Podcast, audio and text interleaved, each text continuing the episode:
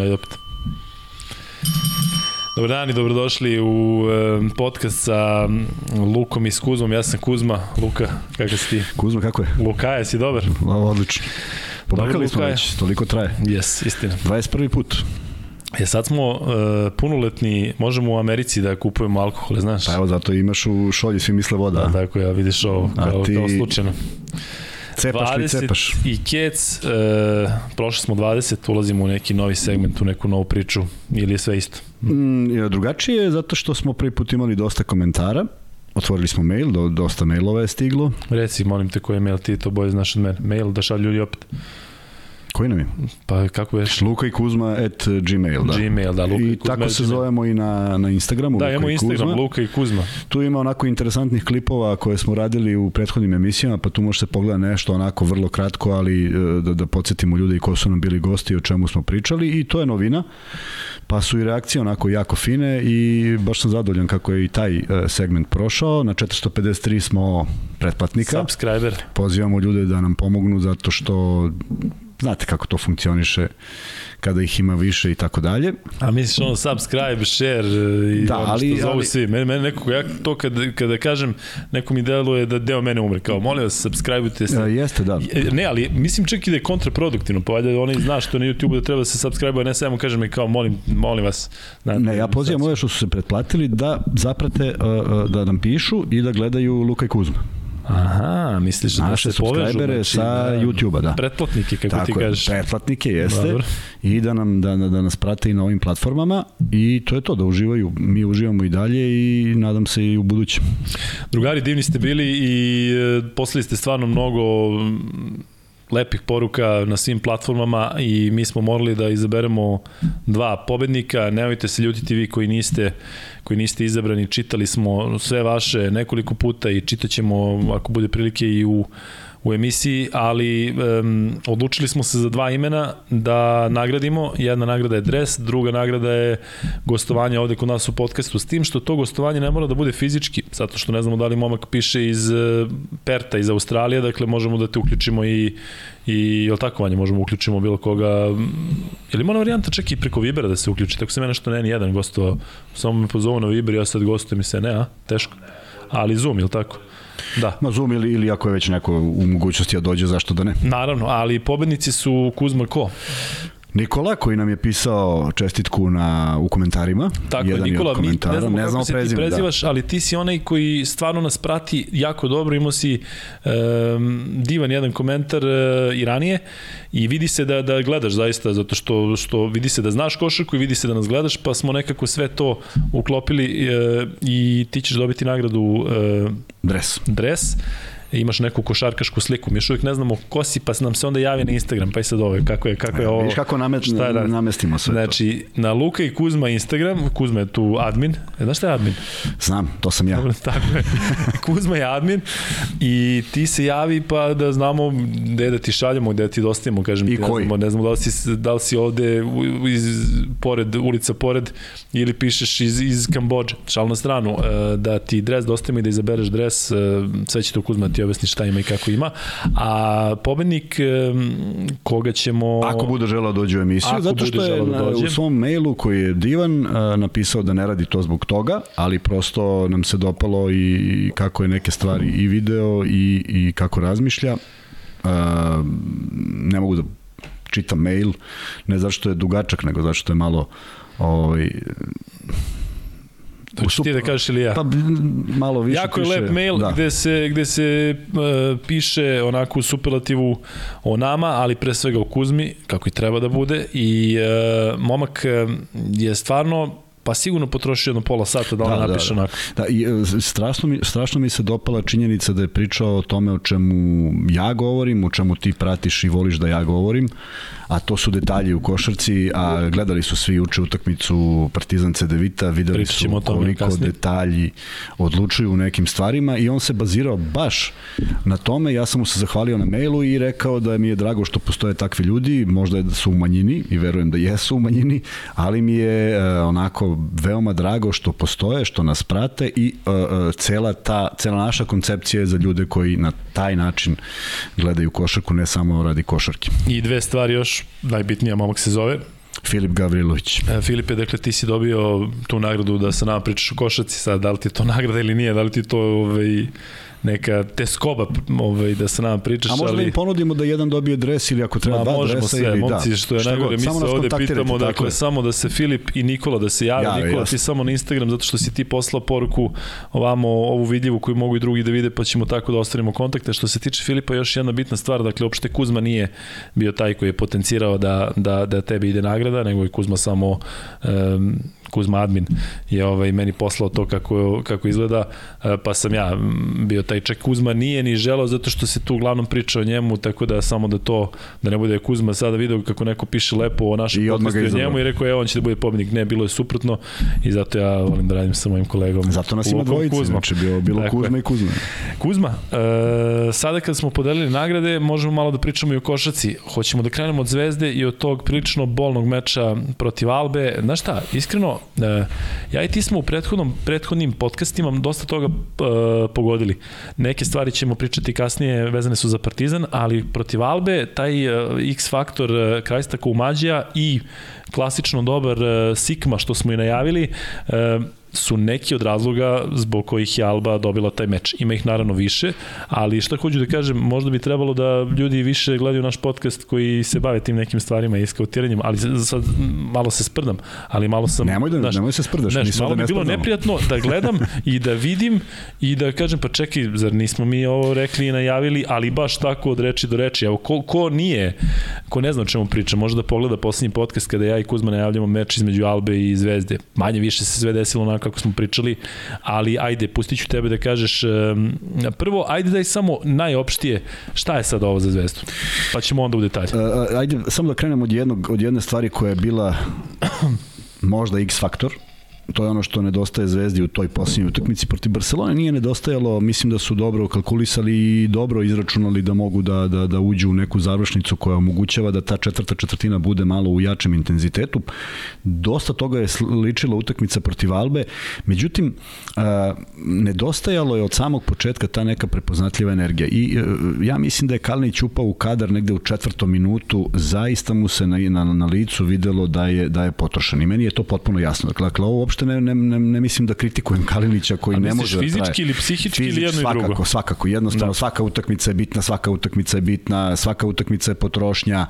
E, nije to lako, naročito kada se skrati sastav. E, naročito kada Zvezda ode sa dva juniora i što je divno što imaju e, takva dva momka koja su eto ne, nažalost nisu zabeležili debi ali su bili sa ekipom što je veliko iskustvo ali kažem na Kalinićevom licu se odražavala a, energija ekipe. I uz takvu energiju uz sve što je bilo loše a bila je najlošija prva četvrtina sve ostale je Zvezda dobila a, dolazimo do momenta kada Zvezda teškom mukom dolazi do četiri razlike to se ne ispušta. To se u takvoj utakmici ne ispušta jer ni uh, Alba nije imala svoje veče, nije bila prepoznatljiva njihova igra, igrali su dosta poziciono, tražili šut u posljednjim sekundama, pogađali, ali je Zvezda uspela sve to u kako god, jer ova utakmica ne treba se pamti i niko je ne bi pamtio da je 75, Neočekivano ružna 74, utakmica tako je. da, da je ne gledaš Teška, ponovo. tako da. je, teška. I da je, da je pola koša za zvezdu, svi bi konstatovali pobedu i ovako je, ovako je poraz uh, ostao u sećanju, ali ne mora niko da je pamti, trebalo je samo samo zadržati tih četiri poena koji su ispušteni za 40 sekundi. I ja verujem da, da, da u tom nedostatku energije i fokusa se krije tajna zašto je Zvezda uspela da primi 5 poena za, za, za manje od 40 sekundi. U momentu kada uh, ja stalno zaboravim ime čoveka, Lamers, koji je potpuno bezopasan Da, da. po, po, po koš celu utakmicu. Daje svoje prve poene iz onog tip ofa, ubacuje tipina, ubacuje, ubacuje, tu smo jedini poeni, dakle, uh, u tom momentu kad on drži loptu i traži Smita za uručenje, ja ne znam šta treba uraditi a da, da, da se dozvoli Smitu da šutne. Pa makar svi izašli na Smita, makar, makar cela petorka otišla samo da on se oslobodi lopte, on daje trojku. E tu su, to su ti detalji koji onda odluče pobednika. Uh, četvrta četvrtina mučna u svakom smislu, ali e, kažem, ne, ne pokušavam da kritikujem, pokušam samo da, da razumem zašto je tako bilo i zaista je opet malo falilo da Zvezda zabeleži pobedu. Zašto ne mislim da je kritično kritično? E, zato što sledi definitivno najvažnija utakmica koliko god je Alba bila važna, Bayern je važnija. Zašto? Zato što Bayern beži jednu pobedu u Zvezdi i samo pobeda protiv Bayerna uh, Bayern izbacuje na neki način iz trke. U smislu, pošto je Zvezda dobila prvi meč, ako dobije i drugi, to znači da je apsolutno u prednosti sa istim brojem pobeda. I onda uh, Bayern traži pobedu jednu u nenormalno teškom rasporedu Istanbul, Istanbul, Madrid verovatnoća da će neko da ima ekipa kojima to treba i Fenerbahčevu i Efesu Fenerbahče popušta ozbiljno u smislu popušta, da već deluje da, da, da ne mogu dalje dalje ne mogu, oni mogu da budu maksimalno peti. Dakle, dalje od toga ne mogu. E, ne, sad, ne, pitanje... govorim za, za, za Fenerbahče govoriš? Govorim za Efes. Dobro, ali kažeš Istanbul, Istanbul. Oni imaju uh, imaju i Fenerbahče. Da, da, Istanbul, Istanbul, da, Madrid. Da. Fenerbahče, A, za Fener si rekao, dobro. Fenerbahče ne deluje kao ekipa koja može sigurno, bilo šta da Sigurno, ali da bi, da bi nešto hteli moraju da pobede Bayern kod kuće tek, tek ne mogu da traže ništa u gostima ako ne, ne pobede Bayern. Tako da su to svak, svakako tri teška gostovanja, ne mislim da su izvesna i ne mislim da će Bayern tek tako da se preda, ali zato govorim, ako Zvezda savlada Bayern i ostvari pobedu jednu od protiv Žalgirisa i Efesa, sad mi pričamo nešto sa jednog aspekta posle dva poraza, znači nije realno pričati da je to nešto sigurno, ali prosto deluje mi da je lakše Zvezda Žalgiris nego Bayern protiv bilo koga u ove tri utakmice. I ako Zvezda dođe do te pobede, to bi bila 13. pobeda. Bayern može samo da stigne, jer sad opet u tom rasporedu da jure dve pobede, to je doslovce še, e, sedam dana. Da, da. E, ponedeljak, ponedeljak, sreda, petak.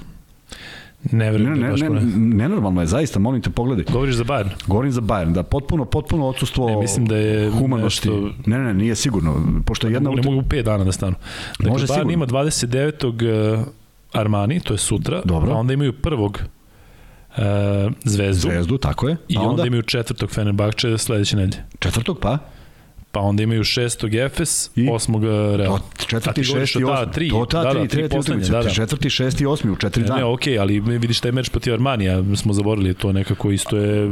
Naravno, ali Armani, Armani, Armani ne može da prepusti više ni jednu pobedu da Tako bi je. zadržao poziciju. Dakle, naravno da su to sve, ali govorim, Bayern ima pet, e, četiri gostovanja, sve su to gostovanja. I da bi, da samo pojasnimo, da bi u slučaju da Zvezda dobije Bayern, Bayern mora da ima dve pobede iz ta četiri, tako, tako da bi bilo 13-13, tako, tako da...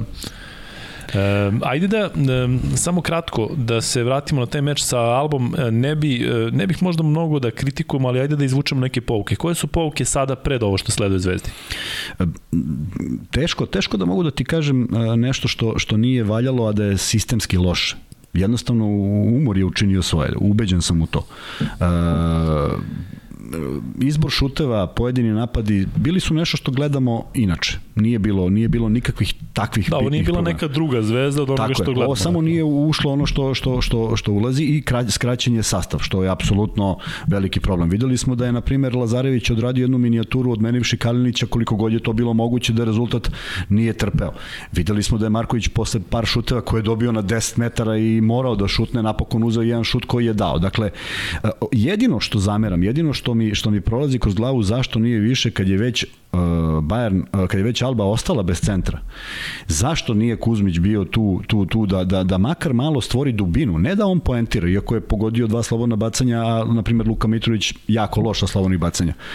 Zašto Zvezda nije koristila dubinu za neke te otvorene šuteve, da ipak lakše ne moraju da trče, ne moraju da traže neke pozicije? Ovako sve se svelo opet na činjenicu da je Zvezda van reketa totalno i da su pravili pick and roll gde su igrači Albe sve to preuzimali bez mnogo efekta po koš. Dakle, nisu bili u boljim pozicijama.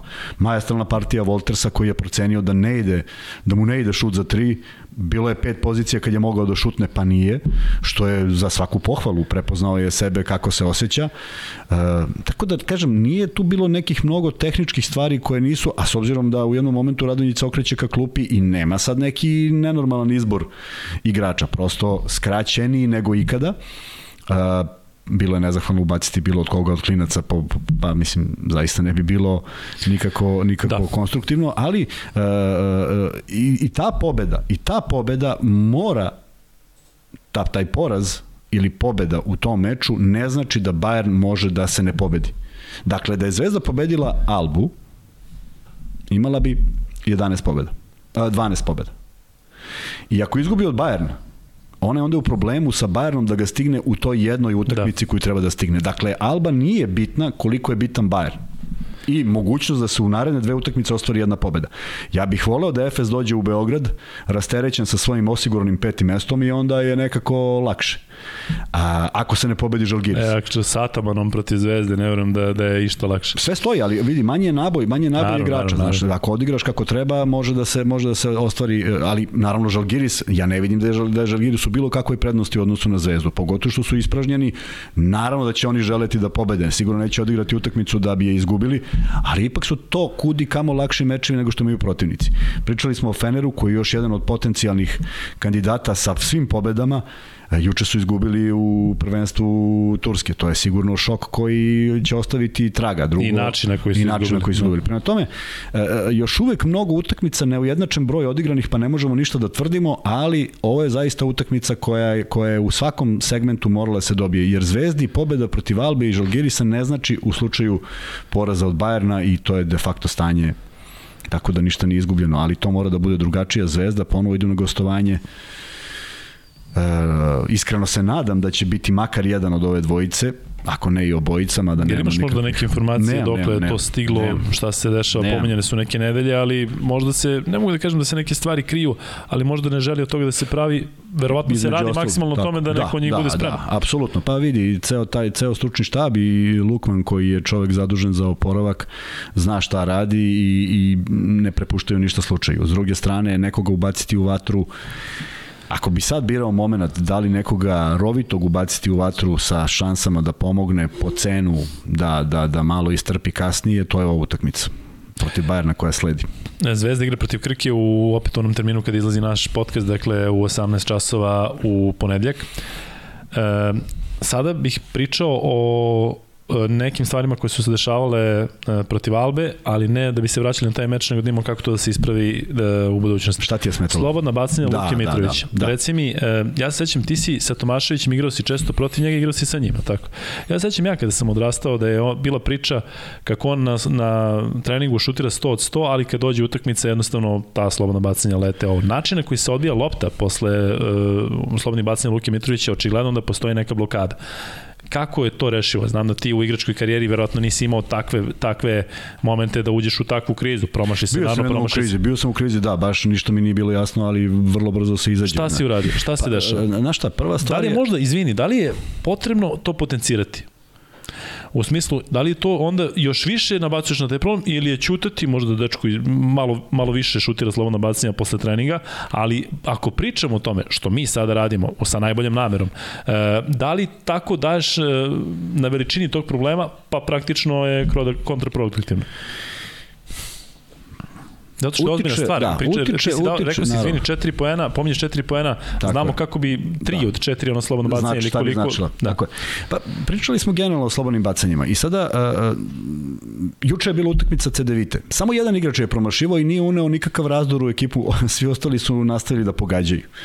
Međutim, ako se desi da jedan, drugi, treći koji staje na liniju slovnih bacanja ne, ne šutira 2-2, da zaista dolazi do onog momenta što baš ja sada i da li ću da pogodim. Čim počneš da razmišljaš o nečemu što je apsolutna mehanika. Dakle, tu, tu, tu treba da bude samo izbačaj takav i da lopta ide lepo prema košu. E, često, često i ti i ja i naše kolege govore kako je precizniji šut iz drugog bacanja. E, prvo promaši, a drugo kaže preciznije. A u stvari može samo ušla ili ne ušla. Međutim, dešava se da neko promaši sa savršenim izbačajem, jednostavno se zavrti, a druga se udari 10 puta Tako. u obruč i uđe i onda ispadne preciznija. Nije preciznija, da. naprotiv, samo je slučajno ušla.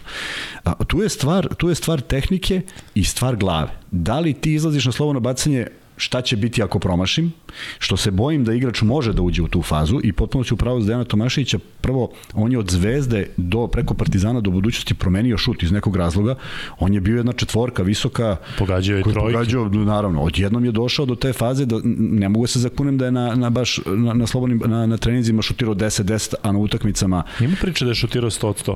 Ne, da li je realno u budućnosti ne znam. Zato što je, zato što ne, ne, je, zato što je, da, mnogo ranije da, ali zato što je svoj izbačaj nekako promenio. Ta lopta lopta, ta lopta kao da ne digne dovoljno ruku, pa je nekako skrati, nekako je zavrne. Da. Ona le, jednostavno letela je u suviše bez, bez, bez, bez luka. I onda je jako teško ulazila i što kažeš odbijala se na raznorazna mesta i ja znam da je on trpeo pritisak, ali on ipak bio igrač koji to mogu da iznese i da prikrije na neki način. Znaš, e, dvo, e, stvarno se redko sećam da je šutirao baš u serijama 0-2, 0-2. Prosto desi mu se pa se pa, pa uradi ne, ne, nešto sam sebi objasni i pogodi. Uh, I veliki je problem kad ostaneš u minusu ozbiljan broj poena jer to se onda sve sabere. Međutim, taktičkih nekih stvari, Sikma je čuvan odlično prvo polovreme, čak mislim da se nije ni dovoljno trudio, a onda je došlo onaj moment kad je on držao rezultat. Ne možeš da ga da mu ne daš da da koš, ali si mogao neke stvari da preduprediš da baš ne rotiraš mnogo sa njega, pa neka neki od ovih momaka koji su postigli poene u posljednjoj u posljednjim fazama utakmice i faktički dobri utakmicu sa dva tipina uh, neka oni reše utakmicu, nemoj da to bude sikma. Međutim, uh, ispostavilo se da je, da je ozbiljan igrač, da zna koliko može i da se štedi, da se sačuva i da zada ozbiljne probleme. Ali sve, sve i tradicija koja je na strani Bayern, uh, Albe i sve, sve, sve, više sad stvarno, znaš, možemo da pričamo još o nekim detaljima, ali sve se svodi na utakmicu koja nas čeka. Ali zato i pričam, Trinkieri, kao i Luka i Kuzma što znaju, Trinkieri i njegov tim naravno, znaju za Luku Mitrovića. Ja, ti, ja sam siguran da će se ići na opciju da se odmah pravi fal na njemu. Ići će se sigurno. Ići I, se da, sigurno. i, I očekujemo veliki broj slobodnih bacanja Luke Mitrovića. Zato pričamo očekujemo kako je moguće... takvu utakmicu u... generalno. Da. Ne samo zbog Luke, nego nema da. lakih poena. Pa, a, teško teško zato što ako uđeš u to razmišljanje, ako je to bilo samo proizvod jedne večeri, što kod Luke čak i nije toliko čest slučaj da promaši baš u nizu, Kuzmić s druge strane 2-2 šutirao, on je isto imao problema, ali prosto uh, uh, ekipa ti daje snagu da prevađeš taj problem. Kad bi svi šutirali 10-10 do, do tvojih prva dva slobodna bacanja, verujem je da drugačije izgledaju ta dva, jer, jer si nekako u naletu i ne razmišljaš o tome. Uh, bilo je mnogo igrača koji su to koji su to koji su imali problem s tim kad stanu na slobodna bacanja uh, do faze veruj mi uh, da kada šutira bez razmišljanja na treningu i onda kažeš ajmo u piće. Samo, samo toga poremeti i to više nije isti izbačaj. Tako da nekada dođe neka utakmica koja treba da se reši. Sećaš Igore Koljevića? Iz uh, Lovćina? Da, iz, da. Budu, iz budućnosti da, iz budućnosti, da. Lovćin, budućnost, da. Sećam jednom, pa ima sad mnogo godina, uh, Gori, znači pionir, Zvezda, budućnost i sada posljednja dva slobodna bacanja od kojih zavisi utakmica i on dečko uzme, sad kažem ti, nije, nisu stigli navijači da krenu da ga prozivaju, samo cap, cap, oba uđuše bez koski time out, znači nikom stiglo, niko ni da. Znači imaš Janis Antetokumpa i još neki primjer iz NBA ligi i on 10 sekundi tapka i sve, znači ovi daješ priliku navijačima da ti, da ti rade šta god hoćeš, ulaziš previše. Kažem sada, dajem taj e, primjer, ali možda stvarno ne razmišljati o tome toliko. Mi, Luka Mitrović je fantastičan igrač, jedan dobar, mnogo mnogo dobar momak i mi da, da, da, da, ovo kriza i zaista ima Ali on je promenio šut, pazi, ja ne mogu se zakunem da je on u Zvezdi pre 4-5 godina šutirao tako. Da. Ima neka zadrška pa se nešto desi. Nema lepu mehaniku šuta. Nešto, to ima veze i sa povredama. Evo, ima, ima imamo primer e, iz uh, Italije, Gentila, koji je bio prinuđen da promeni tehniku šuta i da promeni čak i sve zbog silnih promena na svetu. Znaš ti kako to sad izgleda? To izgleda potpuno drugačije nego, nego pre 10 godina. Tako da ne znamo u slučaju Luki Mitrovića, ali ne, sigurno ne da nije sad samo od sebe ili mu neko rekao ajde probaj ovako, može tako bolje. Mislim ali da nema svrhe jedno... da je neko rekao, znaš, da promeniš u nekim ozbiljnim poznim godinama, ne poznim životnim, ali poznim košarkaškim, prosto ne radi se. E, ono što sad radim je stvarno ta vrsta podrške Luka Mitrović ove sezone bio možda jedno od najprijatnijih iznenađenja kako je nosio ekipu, svi su pri, pričali da li može na petici, on je stvarno dečko nosio neke utakmice sam, igra sa fenomenalnom energijom i mi mu želimo da on igrom uh, izbije ta slobodna bacanja. Tako je, ma da ne razmišlja o tome. Tako je, ali ti kažem ti kad dobro igraš, kažem ti ti možeš sebi da priuštiš i da promašeš dva slobodna bacanja. Ako se svodi samo na to, onda ovaj, može da bude Ali problem. treba da budu spremni da će takva utakmica biti, da će da. takve utakmice biti te koje odlučuju, a Bayernu je ovo biti ili ne biti zbog gostovanja koje imaju. Trinkieri, ako neko poznaje Crvenu zvezdu od evropskih trenera, to je Trinkieri, znamo koliko je bio u, u e, našoj košaci u Partizanu i igrao je, vodio je tim protiv, protiv ovih igrača, čak i o neki koji su se vratili, pa, pa, pa u onom prvom mandatu su bili u Zvezdi. U svakom slučaju Zvezda i Bayern igraju svoj meč 1. aprila, to je Kuzma, pomozi mi petak, je tako? Petak. Petak. E, meč od 20.30, stalno to govorimo, ali zaista je tako najbitniji meč za Zvezdu. Sada je već biti ili ne biti. Da, da tako. ovo je biti ili ne biti, da je dobijena. I da je Alba dobijena, ponavljam, mora se dobije da. Bayern. Potpuno nevažno. Dakle, Zvezda će možda kaskati za tom nekom pobedom i bit će žal pre za Panathinaikos nego za Albu, da se razumemo. Panathinaikos izašao na teren da, je, da, ne bi, da ne bi bilo da nisu izašli. I Zvezda to da je uradila, ne bismo ni pričali o Albi ovoliko dugo, a ovako, ovako je utakmica koja je uvod u Bayern. Naravno da bi bilo bolje da je Alba savladana, jer onda ulaziš sa jednim većim samopouzdanjem, onda te po, protivnik posmatra drugačije. Ovako je video neke stvari koje se daju primetiti pre svega u, energije, u energetskom smislu, u umoru igrača. Ja sam od uvek tvrdio da igrači mogu da izdrže i više, ali Kalinićeva minutaža je zaista impozantna u posljednjih desetak utakmica i prosto normalno je da negde vidiš, vidiš, vidiš da on uđe u nervozu. Čim primetiš da je nervozan, shvatiš da je na, na, na ivici snaga. I to mu se dešavalo u par utakmica u ovoj sezoni ali skupilo se sve, voleo bih da odmori protiv Krke ako je to moguće, da nema napor da ga neko drugi zameni da se ta utakmica samo... A taj meč protiv Krke sad posle Partizanovog poraza protiv CDVite, pa, zato mogu da kažem, kažem da je... Mnogo bitan, tako je. Da, ali jeste prilika za odmor. Ako prilika za odmor, naravno. Međutim, da. on je insistirao da igra i prošlu utakmicu i odigrao je odlično protiv studentskog centra. Tako da vidjet ćemo kako će se on ponašati, ali mislim da mu je svakako potrebno malo da se resetuje, da, da, da se fokusira na tu utakmicu, jer od njega mnogo zavisi. E, Zvezda, dakle, u petak igra protiv Bajerna, a onda već u nedelju igra protiv Žalgirisa. Da si to znao? Pa znao sam, naravno. Mm, pa nego šta nego si znao.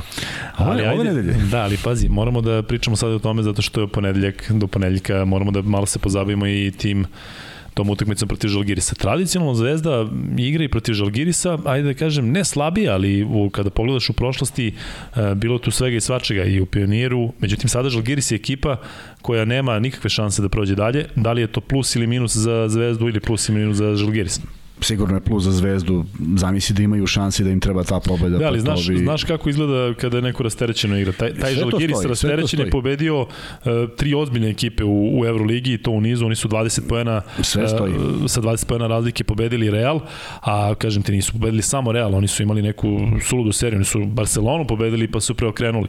Tako da ne može niko da kaže da je to lak meč. Znamo šta je bilo protiv drugih zeleno-belih protiv Panathinaikosa u Ne, ne mislim da je lak, daleko daleko od toga kakav lak. Ali ako Zvezda pobedi Bayern... Idu sa jednim ozbiljnim uzletom i Tako. šansom da završe, ako ne u tom kolu, opet ostaje još jedno kolo, gledaju svi u druge rezultate koji će biti vrlo interesantni. Naravno, Baskonija je sad zaustavljena, inače da je Baskonija dobila još i ovu utakmicu, bilo bi ozbiljnih problema za Zvezdu.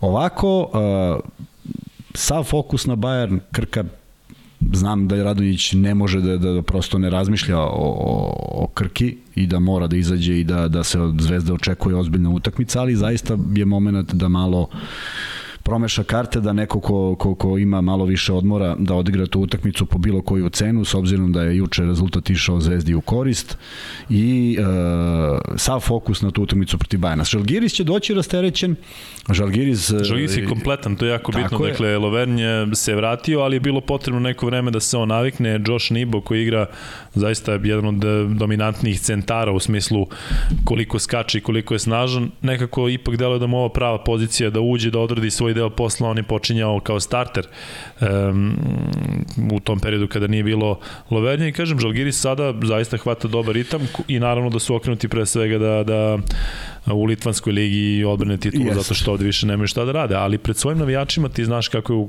Ma, areni, igraju, tamo tako je. Žalgiri areni, dakle oni tamo imaju neverovatnu podršku. Imaju kažem. podršku, bit će puno sigurno. E, ekipe koje imaju vrlo sličnu koncepciju unazad godinama, to su domaći igrači plus po koji stranac, kad god se izašli iz tih okvira nije bilo dobro ni kod jednih ni kod drugih. E, rivalitet koji postoji dugi niz godina, sličnosti u onoj, u onoj fazi da su zemlja košarke i oni se diče time i možda su za nijansu ispred nas, ne po rezultatima, ali po stavu šta košarka zaista predstavlja. Naime, oni nemaju futbol kao takav u smislu bilo kakve ozbiljne lige i bilo kakvih ozbiljnih dešavanja mi imamo evo reprezentaciju na svetskom prvenstvu, pa ipak i dalje tu velika razlika, ali i u tome smo dosta slični, e, što su sve svoje uspehe pripisivali reprezentaciji, ne klubskom takmičenju.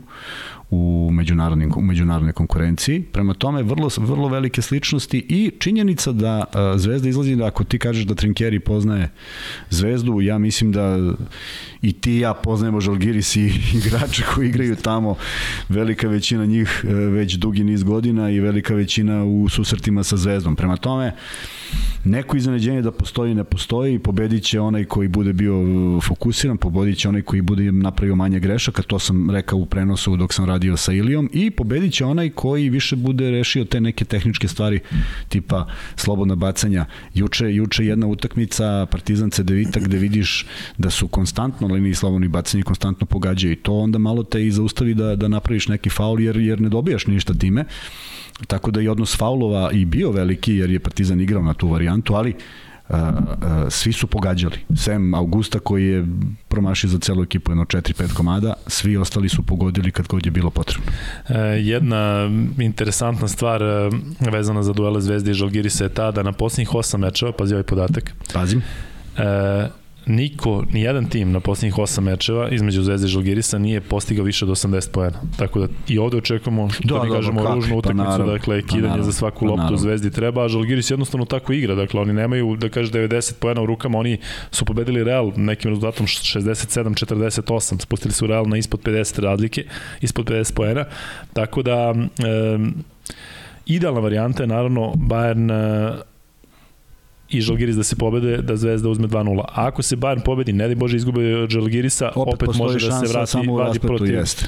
protiv Efesa, da se Zvezda vadi i da se namesta ostala utakmica. Tako da, e, delo je kao da je Zvezda, ne, ja, neki ljudi koji znam, vidim da su onako, ne mogu da kažem digli ruke, ili da su baš razočarani, treba ljudima skrenuti Ne, pažnju ne, ne, da ovde to je- nije, nije Zvezda izgubila šanse, da se razumemo. R- vidi, kod nas ljudi su razočarani iz hiljadu nekih Ne, ali razloga. ovde mislim da ne znaju, zato što je postavljeno tako da je Zvezda Da je Alba, Alba biti ili ne da, i Nije. sad Alba izgubila i sad, eto, Nije, Zvezdi nije. su potrebni navijači u tom posljednjem meču protiv Efesa i potrebno je da se da podrška sada na ova dva gostovanja. E, Da, da analiziramo sve šta je Zvezda izgubila ove godine, a mogla da pobedi je iluzorno. Mislim, pričamo o nečemu, pa svaka ekipa ima nešto slično po tom pitanju. Dobro. Izvolite, gospodin. A, Vlado, se, sedi. Pa ću nam Poštovanje. objasniti otko ti. Ne, ide samo iza. Ne, ovo Kuzmina, Kuzmina iznenađenja. Ne, mislio si ovdje iza, jel? Da, ali nema Mislim veze. da tu ne može, ali... Ma može, kako ne može. A, Čekaj da se pozdravim sa čovjekom. Vanja, kako je? Ovo je moj drugar Kuzma. Vanja, priključi, Radimo- radimo- priključi ovaj... Priključi Vladu. Sam i ja. Sad kada smo se priključili i kada smo ovde izrotili kamere i kada smo spremni za nastavak, Vlado, dobrodošao. Hvala ti što si ušao. Bolje vas našao. Vlado, kako si za početak? Ja odlično, kako ste vi? Hvala što si, pomalo smo iznenađeni, iskreno da ti kažem, ja ne znam, ja sam, e, najprije, imamo 21 nepun podcast e, za nama, ja i Kuzma, i ovo je najprijatnije iznenađenje koje sam ja doživao. Kuzma, Ne znam, ja sam i dalje ovaj, iznenađen nekim drugim stvarima, ali o tom potom, to ćemo e, pričati. Kuzma, ma, Drago mi je da je Vlada došao i e, pitanje je otkud ti, hvala ti što si nam u ovoj pauzi dok smo se nameštali objasnio i hvala što pratiš e, podcast koji radimo i, i sad menjamo potpuno temu kad si već tu. Menjamo potpunu temu, Kuzma, ja moram ti kažem da stvarno, e, znaš, e, verovatno ne znaš, e, ali e, postoji kanadska tenisirka koja je pričala nedavno o tome kako je e, njena mama rekla kao vizualizacijom, kao ti sad zamisli da osvojaš US Open i kao sebi napiši ček i onda će ti dati kao sama sebi daš ček i posle par godina će ti se to desiti. A Novak Đoković to stvarno pri, e, stvarno Uradio. e, primenjuje non stop. A ti si uradio šta? Ja sam razmišljao kada bi Vlada Radmanović došao, kada smo imali sećanje na Kobija, da kada bi bio jedan gost sa kojim bi mogli da pričamo o stvarima koje mene lično najviše interesuju, da ga pitam i neki detalji. Znači, Vlada da ne kažem ide ti nešto. danas odavde. Ali ozbiljno ti kažem, kada, sada si ti me rekao, vidi, da dođe jedan gost, ajde izaberi jednog gosta, znaš, u, koj, u kojima smo sve mi likovima pričali i našim i stranim i sve. Znači, kada bi mogao jedan gost da dođe i da sedne tu i da, da priča, ja kažem Vladimir Radmanović. I onda razmišljam, gde li je čovjek, da li je tu, da li, ajde da vidimo da ovo. Evo čovjek dođe i čovjek dođe. Pa ti si i- onda i- zaslužan za ovo. Pa naravno da sam ja zaslužan, jok nego si ti. E, Vlado, sada za početak stvarno, kako si, gde si, šta si, malo te ima u medijima, to je pohvalno. Pa ne, ne da me malo ima, nego nema me uopšte mojom voljom. Nažalost, nekad se desi da, ovaj, da izađem kao prateći lik, ali o, nema, nema često, tako da u principu ja se trudim da tako i ostane. Evo, malo sam vas pratio, pa, pa da znači, napravimo jedno iznenađenje. To je divno. Da, privilegovan. Mi smo te, mi smo te iz, vratili iz ilegale, ali sad stvarno, kako je posle košarke, da li uopšte pratiš košarku, ne mislim na domaću, nego taj NBA liga, da li imaš taj osjećaj da, da, sa, da li si se distancirao od svega toga kao što postoji neki primjer, postoje ljudi koji su se toliko distancirali da ih ne interesuje ništa, ili povremeno pratiš pa ti neko javi. Koliko je košarka trenutno u tom životu neki faktor? U principu, skoro i da ne pratim ništa. Uh, imam od, od sestre klinca koji je zaluđen za košarku, on, on me obaveštava šta se dešava, ko je gde prešao. Da li on možda gleda ovo? Uh, ne znam da li gleda, ali da ću, sad, sad ću da mu kažem da, da može da krene da prati. A izvini, koliko godina ima? On ima, sad će 18 godina da napuni. Jel on ima uh, otprilike uh, uopšte odnos prema tome tom vremenu kad si ti igrao i koliko si ti bio veliki u NBA ligi, ajde da ne govorimo, ovde se zna šta si bio u NBA ligi, što ljudi možda i dan danas ovde nisu svesni. Pa znaš kako, ovaj, ja sam prestao da igram 2013. godine, on je tad imao nekih 9 godina, da, tako da, da on se seća nekih stvari, oni su dolazili kod mene u Ameriku, provodili vreme, dolazili na treninge, klinci, tako da o, ovaj, verovatno ostalo nešto u, u nekoj podsvesti, ali čisto sumnjam da, da mogu oni to da, da dokuče kao što ja ne mogu, ne znam, ono, ja sedim sa Miško Marićem, pa sedim sa Miško Marićem, tu se završava cela priča za mene, a Miško Marić je, svi znamo ovaj, šta je uradio, šta je da. uradio i ko je bio, tako da mislim, to je, mislim da je to i normalno negde, da te neke generacije nove koje dolaze prosto ne mogu da da budu ovaj, u, u koraku sa tim šta se dešavalo pre nekog njihovog vremena i ne, to ne treba ni forsirati. Kuzma, imaš ti neka pitanja ili pitanje, pa da ja onda krenem sa serijom onih detalja vezanih za Vladinu karijeru i za Lakers-e, pre svega neće mi zameriti što ćemo se možda tu najviše zadržati, ali ajde ti. Ne, super je što, što ćete zadržavati u tom vrlo interesantnom periodu o, njegove karijere, ja samo o nekim stvarima da smo se upoznali 97. Tako. talentovani junior dolazi na, na treninge Zvezde, nisi još bio u prvom timu, s obzirom da je tada važilo neko pravilo da nas je 10 bilo licencirano.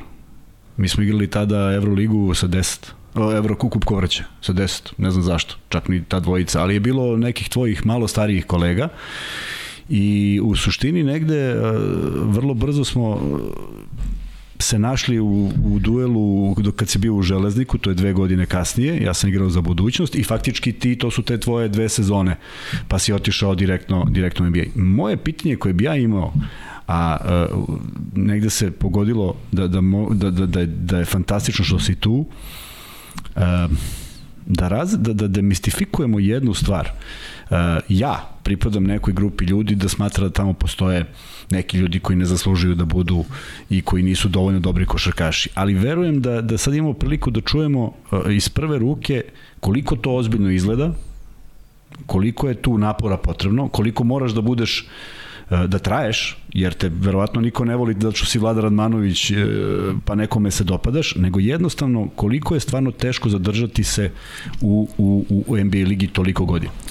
Pa pazi, ja ću prvo da se vratim na onu tvoju ovaj, 1997. Uh, to je za mene možda čak i najlepši neki period u mojoj karijeri. Kad kažem karijeri, pričam i juniorski staž i profesionalno i sve ono što se izdešavalo. Uh, možda će malo neverovatno da zvuči, ali dok nisam potpisao prvi ugovor, ja sam se igrao košarke. da.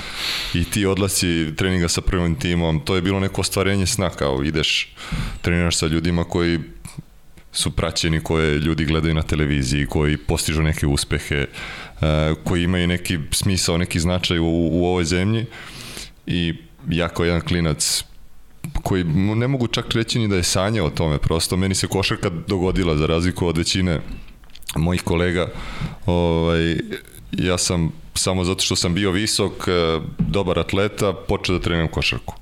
E, ja sam pre toga trenirao atletiku, futbal, znači ono, neke sportove koji manje više nemaju veze sa, sa košarkom. I kažemo, ovaj, ta 97. i svi ti odlasi na treninge i doživljavanje svega toga kroz oči jednog dečaka gde sam ja kao najdominantniji tu u tom juniorskom sastavu, e, svi mene vide kao nekog budućeg košarkaša i onda se pojaviš negde da su svi jači od tebe, svi su brži od tebe, svi te biju. To važi za Kuzma. I Kuzma Čak sam ja bio jači. Čak i Kuzma bio jači. I, Ne, kad ovaj, sam imao dva metra, nego I znaš, to su ti neki izazovi koji, koji te teraju da ideš dalje i na kraju završiš gde završiš sad. Ja sam imao sreće, uvek kažem sreće jer eh, koliko god da mi mislimo da ovaj, samo trud, samo trud, samo trud, mora faktor sreće, mislim da je to nešto što uh, je neizostavno u, u uspehu jednog sportiste. Uh, što se NBA kao NBA tiče i to se meni isto desilo slučajno. Uh, Kao i ovi podcast, sve se dešava slučajno. sve se slučajno. slučajno dešava, možda tako i najbolje u Pa životu. jest, jest. I ovaj, par menadžera nekih mi je prišlo, reklo da postoje neka interesovanja za mene u Americi, da ne bi bilo što da izađem na draft. I tako je sve krenulo. Odlazak na draft, draft, uh, Seattle Supersonics i dalje kako je išlo. E sad, kako je bilo ostati tu, zadržati se, znaš, tamo sigurno e, hiljade njih čeka da uskoči u, na to mesto, da u onoj razvojnoj ligi čekaju svoju šansu. Koliki je to pritisak i koliko treba da si dobar zaista da bi opstao toliko dugo? Pa znaš kako, ja sam ovaj, imao neke saigrače, ovo što si ti malo pre rekao, nekima misliš da nije mesto tamo. Ti kad ih vidiš, kažeš pa ovaj nema šanse da mogu da igra kod nas u ligi. Prosto ljudi nemaju šut, e, nemaju tehniku, nemaju brdo nekih stvari koje su neophodne za, za jednog košarkaša da se kaže da je kompletiran. Ali s druge strane on odrađuje jedan deo posla koji toj ekipi u tom trenutku treba i on samo to radi. I to radi savršeno. I to radi savršeno. I, i ti si nezadovoljan pošto možda ja sam imao par nekih momaka koji igrali na mojoj poziciji, ja sam nezadovoljan sve vreme, ja njega gledam kao neprijatelja broj jedan, kao kako on igra, ja ne igram, krade mi minute, znaš, ali onda sa neke distance kad se sve to posmatra, shvatiš da u principu ja kao ja ili bilo ko drugi u ekipi je apsolutno nebitna figura u odnosu na, na uspeh ekipe. Uh, sad s druge strane postoje neki igrači koji su Izašli iz tog okvira, da. izašli iz tog okvira oko kojih se sve vrti naravno, uh, oko kojih se cela liga ovaj, okreće i to su neki nedodirljivi, ali svi mi ostali smo tu u principu da tu mašineriju koja se zove NBA uh, držimo pod kontrolom. Mogu ja Kuzma? Pa ajde. Vlado, jesi spreman? Može? E, prvi mi reci, kakav je bio Kuzma kao saigrač? Idemo... Pa ja nisam imao priliku sa Kuzmom nešto mnogo da, da igram. Ja sam... Malo smo da trenirali. Mi smo, mi smo manje više trenirali zajedno u, u Zvezdi te 97. i onda je Kuzma ovaj, uh, Otišao za otišao Beobanku, da. u Beobanku. Igrali smo jedan protiv drugog uh, 98. 99. sezona. Uh, A posle u Železniku, posle je bila to ozbiljna utakmica. dobro, pazi, Železnik je, da, to je bilo polufinale, ja mislim, ili četvrt finale. Četvrtfinale. Da, jedno Že, Vlada Radmanović na jednoj, a Šekularac na drugom, dvojka i trojka. Da, da. I to je isto interesantna priča, mislim, ono, Šeki, ja kad sam došao u FMP, ovaj, on mislio da sam ja tu došao sad nešto njemu da, da, Da, da, da, pa- pomešamo ovaj, karte onako kako ne treba, ali Ne, mi smo u budućnosti znali ako ode na levo, svi smo svi gledamo samo tamo jer kod čeke je lopta. Ako Da. ode na desno, ovaj neće ni da se pojavi, uopšte neće da igra. Tako da je bilo e, dva izuzetno Ne, talentovana ali stvarno, igrača. to je tada bilo ali- nestvarno, to je bilo i ajde, Dars. NBA znači se interesovao za obojicu jednako u smislu da zaista dolaziš da gledaš njih. E, jeste, ali, ali zajedno su bili problem na terenu. Da. Sami sebi u Da. ekipi. Da. I to smo znali, znači prosto znamo kad je lopta na jednoj strani, svi se fo- fokusiramo, nema sada da ode. Da. Njegove sposobnosti, pa i Šekularčeve sposobnosti, znaš, ali samo su gledali, takmičili su se između sebe, što je nama odgovaralo, inače izuzetno talentovana ekipa. ali smo I pobedili, koliko se ja sećam na kraju. Jednu, ja mislim. Jednu, mi smo poprošli, mi smo prošli do finala i tu treću godinu. Da, Da, da. Pa dobro. Svako, Mislim da jednu To je. se Kuzma seća samo dobrih stvari, tako isto i sa našim podcastom. Izgubili, ne se toga. Kuzma, e, prva stvar, reci mi sada ti, samo da pre nego što pređemo na vladu, reci mi, osim toga što je tako delovalo na terenu, on zaista bio toliko dominantan da kada primi loptu, ko što si mi pričao za Pavlovića, on dođe na trening i krene da skače. Ne, Vlada je tek, ne, Vlada je tek obećavao. Vlada je bio vrlo interesantan. Na tim treninzima imali smo prilike da igramo jedan na jedan. On je došao, mislim, kad dođeš u jedan tim, ja sam imao 27 godina, a on ima 17, 6, Da. 17, 18. Znaš, fizički je, koliko god ja ne izgledao fizički dominantan, drugačiji je osjećaj. I vrlo je vrlo bilo interesantno da smo igrali par puta jedan na jedan, ne znam koliko se toga sećaš. Slabo. Uh, igrali smo jedan na jedan, gde sam ja samo teo da mu pokažem kako izgleda kad, mi, kad smo mi klinci bili, pa ga više guram, a ti tačno ovo što si rekao, ne shvataš da neko posjeduje tu, tu, tu zategnutost, ne snagu, nisam imao nekad snagu, ali prosto taj kontakt je od udara od onoga čega si, što, da. što si navikao juniorima. I vrlo interesantno da je pokazao jednu, za mene, jako, jako finu žicu karaktera, a to je da je delovao kao da stvarno, kad gleda mene i ove sve ostale saigrače, kao da je tu došao da, da, da iz svakog tog pogleda nešto, nešto nauči. I mislim da je imao dobru priliku da bude okružen zaista tim dobrim momcima, jer ja zaista mislim da su to, da je to bila odlična generacija, pre svega ovi moji vršnjaci, Topić, jest, jest. Topalović, znaš, nema šanse da će neko njega da, da uvati na zub, pa da ga neko nešto dira, apsolutno nemoguće, nego je zaista došao sa, sa idejom da sa jednim dovoljnom dozom respekta prema nama, kako kaže, to su, mi smo već bili igrači kada je on počinjao, a s druge strane spreman da, da, da nauči i da bude bolji od toga što je apsolutno i pokazao. Vlado, um, ajde da krenemo od drafta. Reci mi taj osjećaj da odeš na draft, verovatno je to za tebe bilo novo, ali si tad prvi put otišao u Ameriku ili si ranije već bio na treninzima, ali taj draft 2001. gde si ti bio visoko plasirani 12. pik. E, da li si možda ranije znao ko se interesuje za tebe, da li je ta opcija Sjetla kao franšize već nešto bilo što si video ili si jednostavno došao i pa kome izabere pa idem dalje? E, nisam znao ko se interesuje za mene, ja sam kasnije saznao ovaj, da je scout iz uh, Seattle Supersonicsa, David Pindegraf se zove čovjek, ja slabo pamtim imena, ali ovaj, njegovo sam zapamtio zato da. što i kasnije smo se kroz karijeru ovaj, susretali na, na raznim mestima, on je bio u Atlanti isto ovaj, tu sezonu kad sam ja bio u Atlanti, tako da ja sam negde bio njegovo, eh, tako reći, čedo.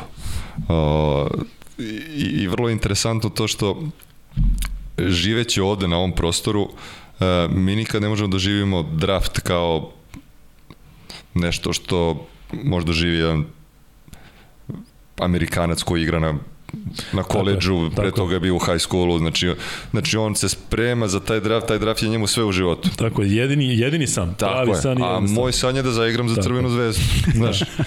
I kao ti ostvariš svoj san i onda posle tog sna se dešava nešto novo.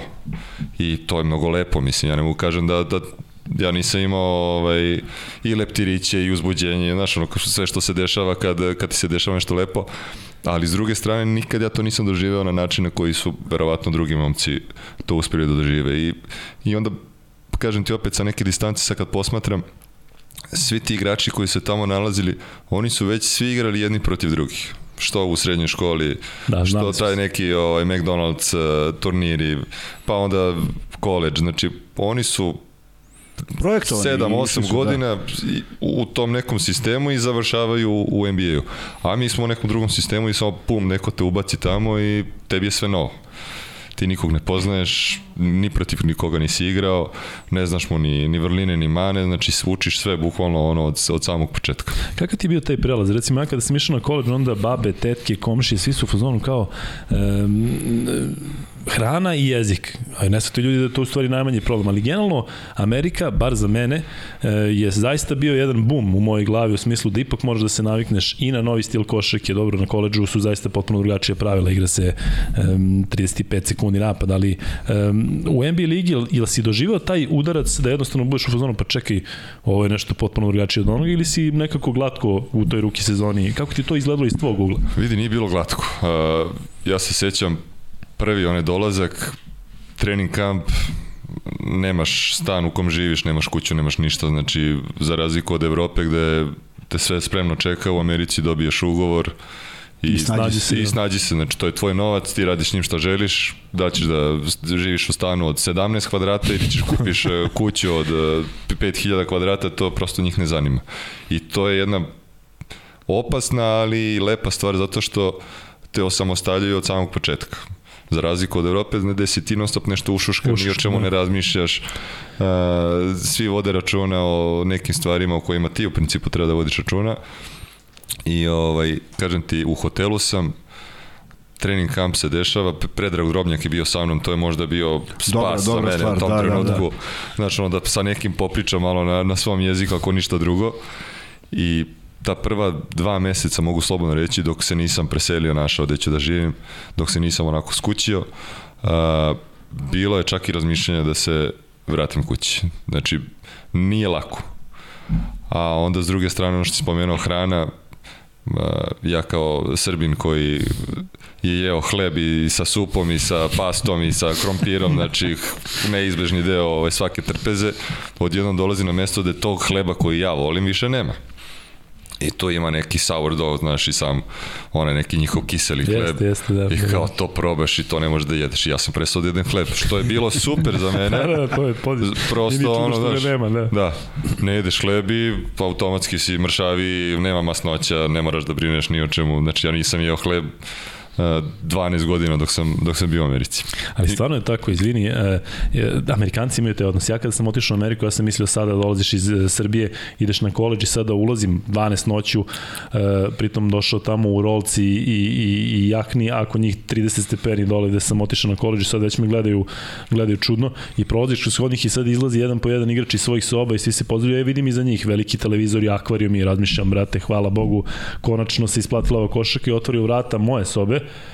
i nemaš ništa, grafiti, dušek i baš to što kažeš, nađi se, pa, pa gde ću da spavam? Kao pa to sutra vidi, pa ti idem ja, znaš, tako da ja sam recimo to što ti kažeš da se vratiš nazad, ja sam odmah svoj rekao, ja idem sutra, pa kao nemaš lete, ma dolazim sutra i na kasu, ka, kasnije kad se navikneš, uh, prođe, prođe vreme i, i, i bude dobro. Ovo ću da zatvorim zato što je u, u skladu naše emisije to da ne spremamo ništa, da ništa ne gledamo, nego sve iz glave, sad ja da, da, da gubim. Da ne je da bilo u redu. Tako je, ali ajde da idemo stvarno redom, taj droletov e, faktor drobnjaka.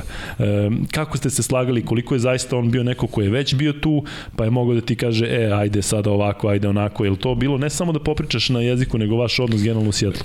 Pazi, to je prva sezona i za mene i za njega u Americi. Ja znači, tako? Da, da, on dolazi da. iz Efesa, uh, gde ima par ono, fenomenalnih sezona, Seattle Supersonics i uzima i prava, ne znam ovaj, ko je draftovao Droleta originalno i on i ja smo u istoj ekipi, dolazimo u isto vreme, znači sve nam se u isto vreme dešava.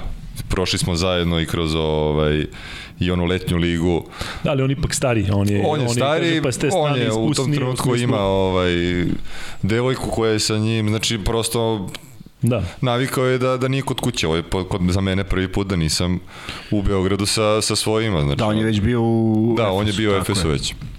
I kažem ti, značilo mi je neizmerno, mislim, ja to ne mogu da objasnim kad završi se trening, jezik kao jezik, ok, ja sam pričao engleski, ali to je bilo daleko od engleskog gde ti možeš da ostvariš neku komunikaciju u kojoj ćemo sada pričamo kao što mi je pričao. Posebno ono kako da. oni pričaju između znači, sebe, američki je, da, i afroamerikanski. To je amerikan. Ti slušaš, da. tu ti uhvatiš svaku drugu, treću reč, pa te oni nešto gledaju, pa te pitaju, pa da, se ti da, smeš. Kao ne znaš šta ste se pitaju. Da. Kao, da, yes. Znaš, pa onda nešto sastavljaš u glavi, prevodiš sa, sa srpskog na engleski, pa dok ti sastaviš rečenicu, oni su već počeli nečemu drugom da pričaju, znaš, totalno izgubljen. Ali u principu borba. Borba i izazovi, to je ono, ja mislim, svaki sportista, koliko god da mi volimo da su ušuškani, da, da imamo stvari koje nam se dešavaju predviđeno, kad ti tako uleti nešto, to je za tebe izazov i prosto trudiš se da iz toga izvučeš najbolje. U Sjetlu si bio pet godina, tako? Pet sezona, da. E, ajde, sa, samo kratko reci mi Ray Allen, kakav je? Kao čovjek, kao igrač, ili zaista postoje te priče da on je, ima taj impulsivno, kako se već zove, kompulsivni poremećaj, e, ali on priča se da on, ne znam, nešto vezuje pertle posebno, pa onda šutira, ne znam, dok nešto ne namesti, ali zaista bio poseban da, da se, kažem, da se izdaje. Pola lige ovaj, sa, sa kompulsivno, da, da, impulsivnim poremećajem. Nema ko nije. Da, mislim, ja sam jedan od njih bio, znaš, ono, odigraš jednu dobru utakmicu i onda misliš da šta, ne znam šta sam radio, pa kreneš da vezuješ prvo levo, pa desno znaš, ono, uđeš u neke tripove ozbiljne uh, i skoro se gleda na Dala ovaj, koliko on ima onih nekih da, da, njegovih prelazak preko linije da. pa izlači ovo odavde on je mnogo zahtevno da, on čovjek mislim, to je ne znam kod ozbiljan da, fokus da. treba samo za to da. ali u principu Realen uh, bio jedan od najboljih šutera dok se nije pojavio ko se pojavio jel? Da. imao sam priliku eto i s njim da, ovaj, da igram uh, od Realena sam mnogo naučio u smislu uh, način na koji se priprema za, za trening. Znaš, mi svi uđemo kao, ne znam, trojkaš si, onda uđeš pa šutiraš trojke. A realno dođe, uđe na, na trening, stane ispod koša i onda prvo ubaci 10 komada ispod koša, pa se pomeri korak, pa 10 komada korak dalje, pa se sve pomera do, do linije za 3 poena dok ne namesti ručicu, pa onda opet sa druge pozicije opet okrene I onda kao staneš, šta radi ovaj, znaš. I onda probaš, naravno, pošto znati želja je, ovaj, da, i onda vidiš da to stvarno funkcioniše. A ovako kak, kao i saigrač, kao lik, jel on stvarno pristupačan ajde, sve? pusti sada, Renar, mislim ne pusti sada Renar, nego li si imao nekoga zaista s kojim si uspeo da budeš blizak? Ne, Pa, izvini, ali realan je zaista bitan faktor zato što te generacije, to ti možda ne znaš, on je snimio taj film He Got Game Da. 97. 98. godine i onda je realan kao, kao faktor, kao veličina bio, znalo se da će biti igrač, on je već u Milwaukee uradio što je radio, dakle on je neko ko je tada već bio superstar za nas koji smo pratili basket. Jel zaista se ponašao tako ili je bio možda, ajde da kažem, prirodan? Vidi, većina saigrača sa kojima sam ja igrao u principu jedno je za javnost, drugo je za, za, za ekipu.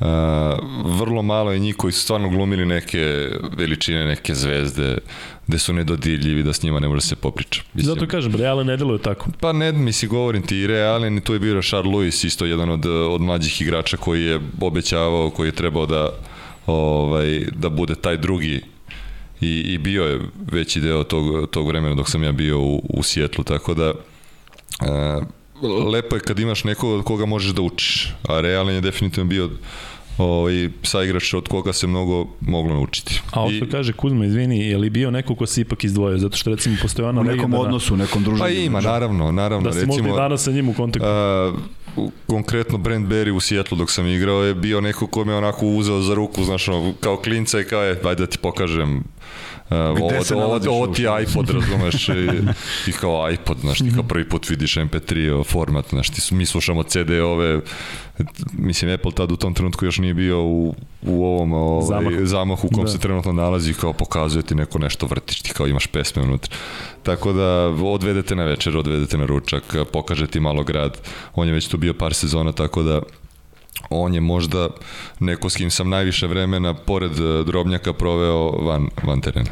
Uh, je li okej sada da pređemo na taj, taj period uh, Lakersa, reci mi kako ti je to bilo iz jednog grada Sjetla, koji je ipak manji grad generalno i znamo po čemu je Sjetl poznat, da su kiše, da je onako prilično depresivno. Po najboljem da da grunge bendu ikada. Ne, Kuzma, da čujemo još, ajde.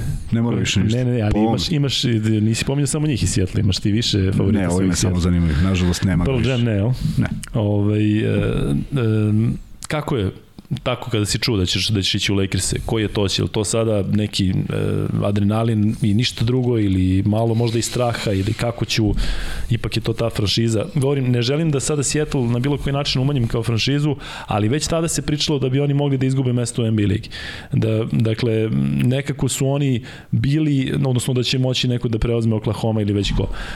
Um, ti si godinu ili dve godine pre toga već Ja sam već dve godine pre toga Da, da, oni ali su- taj prelazak u Lakers u tvojoj karijeri, ko, već si se ti tamo postavio kao, ne, kao neko ko je, ne mogu da kažem, em, sila u ligi, ali recimo, pazi, e, 2003. godine ja sada pričam e, sa mojim drugarima na koleđu i sada e, ipak su tada prepoznavali Jugoslaviju po e, s- Kingsima Stojaković Divac. Ja kažem Stojaković, Divac, Radmanović i meni kaže jedan drugar koji igra na poziciji centra, kaže pa taj treći ti je e, zanimljiviji i bolji od ove, dvo, od ove dvojice, ali bukvalno, kažem ti sad ne znam šta je on mislio o time, ali nekako si njima možda bio interesantan, možda si više igrao na taj američki način i zakucaš i trojke i sve, ali prelazak u Lakers-e i dolazak tamo, samo taj prvi period kako je to izgledalo. Pa iskreno ti kažem, ja Lakersa nisam ovaj, doživao na pravi način dok sam igrao u Sijetlu. Prosto nisam, nisam shvatao kolika je to u stvari organizacija. A, igranje u Supersonicsima, kako bi stavio sad negde na, na rang ovog našeg takmičenja ovde, je recimo igraš u Hemofarmu, a Lakersi su crvena zvezda. Mislim, igraš istu ligu, sve se isto dešava, ali prosto Osetiš kad si ovde osetiš deo, razliku, Da. znaš.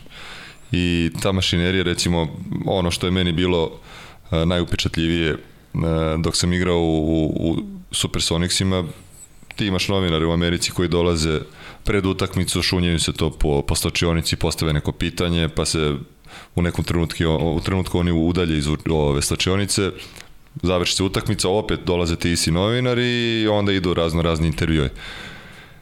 I u Sjetlu je bilo možda 5, 6 novinara, 7, 10 kad je onako nešto interesantno se dešavalo.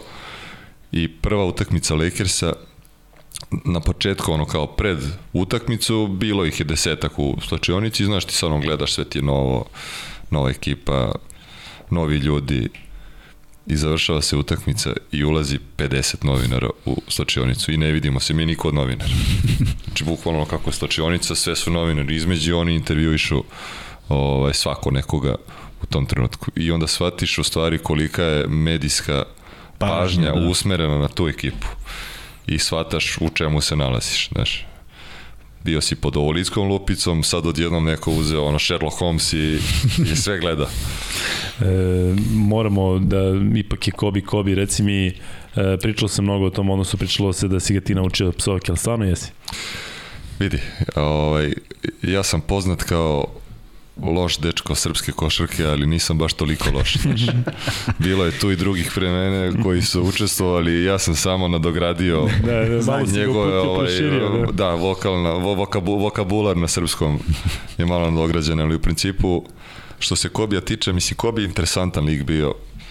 Uh, mislim, meni je čudno da pričam uopšte u prošlom vremenu da. o njemu. Uh, bio je neko koji je onako bio dosta sumnjičav, uh, nije bio tip koji je bio za neke za neko druženje. Da, pa priča se da je bio čudan, specifičan. Bio je totalno da je, čudan, da. znaš, ja kad sam došao u, u, u tu ekipu, stvarno smo imali onako jednu lepu hemiju o, između sebe i on je bio jedini koji je, znaš, ono, kad uđeš u avion, ti avioni kojima smo mi leteli uđe se tamo na prednja, ona, na prednje stepenice i onda ide onaj deo za, za igrače, pa onda ide deo za trenere i na kraju je deo za novinare. Pa kako da ne znamo, znam. Da. Ne, ne, mislim, mislim pričam, Sad smo bili. Objašnjavam kako izgleda da, avion, da, da. znaš.